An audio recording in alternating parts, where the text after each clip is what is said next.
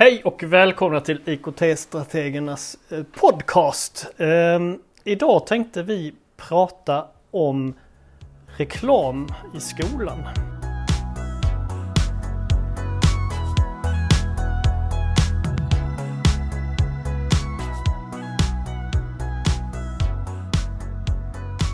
Eh, vi har fått eh, lite synpunkter från vårdnadshavare om mängden reklam i, i eh, elevernas skoldag. Ehm, och då så började vi fundera på kan man ha en helt reklamfri skola i Lund? Och eh, vi har kallt konstaterat att nej eftersom vi har en vardag idag som innehåller väldigt mycket reklam.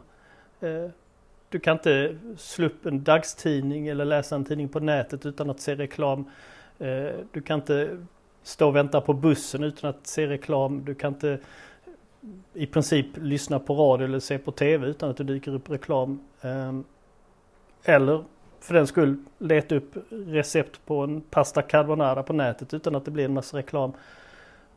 Så kan vi inte ha ett reklamfri skola men vi kanske skulle kunna ha eh, en skola där vi undviker så mycket reklam som möjligt. Eh, det är det vi tänkte prata om idag. Vad säger eh, Anneli och Jesper?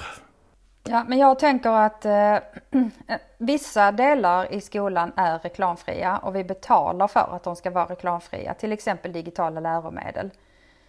Eh, det finns en vinst i det. Men vi kan inte bedriva undervisningen helt utan reklam, reklaminslag eftersom det ingår i MIK-delarna att prata om reklam, reklams budskap och hur man förhåller sig till reklam. Eh, självklart ska man inte välja tjänster med reklam för att man inte har pengar för det utan man, det kan vara bra att då samtidigt passa på att jobba med det här perspektivet att nu är det reklam, hur förhåller vi oss till det? Och sen finns det ju väldigt olika typer av reklam. Det finns, eh, om man tittar på appar så finns det de här helsides som poppar upp helt plötsligt som man måste klicka väck och som stör ganska mycket. De tycker jag är riktigt irriterande. Eh, Sen finns det de som bara har en liten banner uppe eller nere som inte syns lika tydligt. De kan man kanske acceptera. Men finns appen som köpapp så kanske man ska använda den appen istället. Faktiskt lägga pengar på att slippa all den här reklamen. Ja, alltså man brukar ju säga att, att ingenting är gratis. Um, och det är kanske en tanke som man ska ha när man tittar på, på appar och så att mm, appen finns både som gratis och betalversion och eh, vad, vad är det som gör att appen eh, kostar pengar? Jo, det är ju för att få in pengar för att utveckla appen, göra den bättre. Någonting som annars skulle betalat, som vi hade betalat genom att utsättas för reklam. Eh, ännu värre är väl eh, när det är liksom sådana 28-30 sekunders reklamvideo eh, mellan moment i appar. Det, det, det är nog det jag tycker är värst om. Jag tänker också på det här att reklam kan vara styrd av algoritmer. Att beroende på sökhistoriken så får man en viss typ av reklam. Eh, och att man då ser till så att man använder tjänster som inte har den här funktionen. Och det är ofta då när man betalar för tjänsterna så, så slipper man detta. Det samlas inte in någon webbhistorik som styr reklamen. Den är ganska viktig. Nu kör vi ju med Google Workspace och så. Och Google är ju jätteduktiga på att samla information och sälja både hit och dit och, och så. Ehm, ska vi inte ha Google då menar du? Nej men jag har för mig, jag har inte lyckats hitta något bevis för det men jag har för mig att det är så att när man har Google for Education som inte heter så längre, eh, att den då är fri från detta.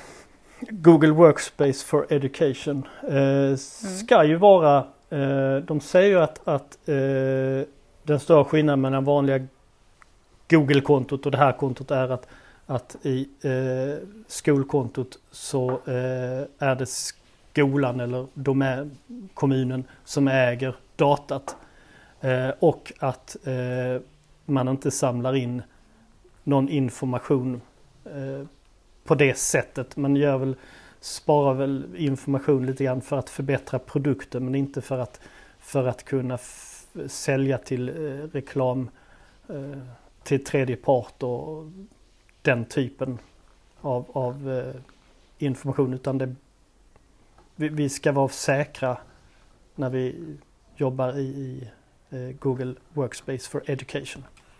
Det som du sa innan där Anneli om att det finns algoritmer som, som då är sökhistoriken och sökningarna man gör så får man reklam riktad till en. Det är, det är väldigt tydligt att det så är fallet. Att jag söker på någonting på Google och så, så dyker det upp i mitt eh, flöde på LinkedIn eller på Facebook. Alltså att man ser ju verkligen hur snabba de här algoritmerna är.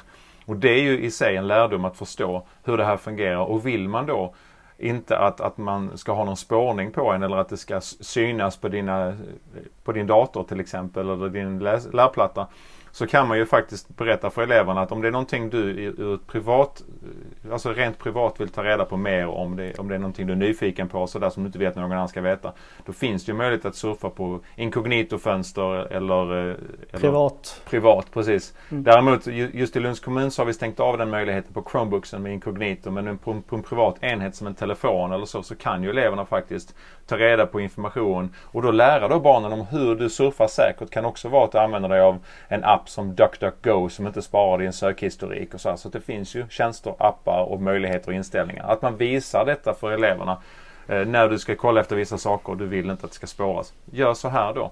För att, att, att vi blir spårade och vår historik, att den lagras, det gör den eh, i allra högsta grad. Och speciellt om, om man, man sitter med, med en icke, alltså en privat enhet så spåras ju allting vi gör. Det är ett, man säger att Google och Facebook och de, och de andra stora, de vet mer om oss än vad vi vet om oss själva. Så att eh, reklamen kommer vid rätt tillfälle, det är rätt sorts reklam, det är rätt sorts nudging och grejer liksom som lockar en till att köpa eller skaffa olika saker.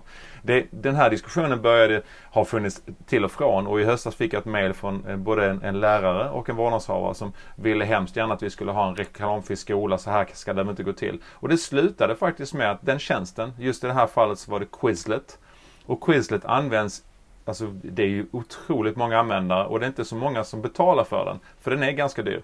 Så att då kommer man fram till att den är så pass värdefull och reklamen är ju faktiskt inte så störande.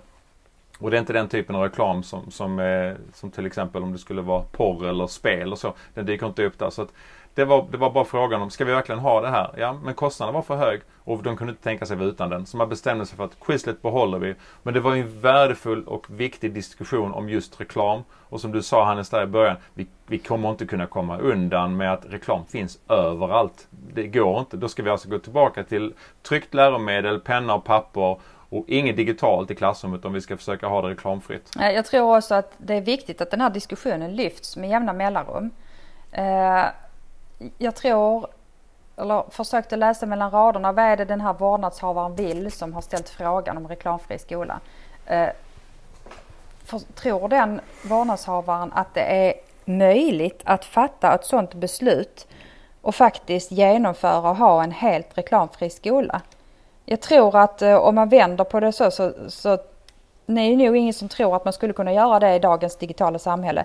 Det är dessutom inte önskvärt för att eleverna behöver möta reklam, de behöver diskutera reklam. Det ingår i läroplanen i MIK-delarna att man ska prata om reklam. Men om man nu vill ha ett beslut på högre ort, hur skulle det beslutet kunna se ut? Vad kan det inbegripa? Jag tror att det, det, vi, det jag och Hannes kom fram till var att det kan finnas en, en policy, ett förhållningssätt till det här. Att, att vi har vår whitelist och vi tittar på tjänster som har för mycket reklam. Vi godkänner inte dem.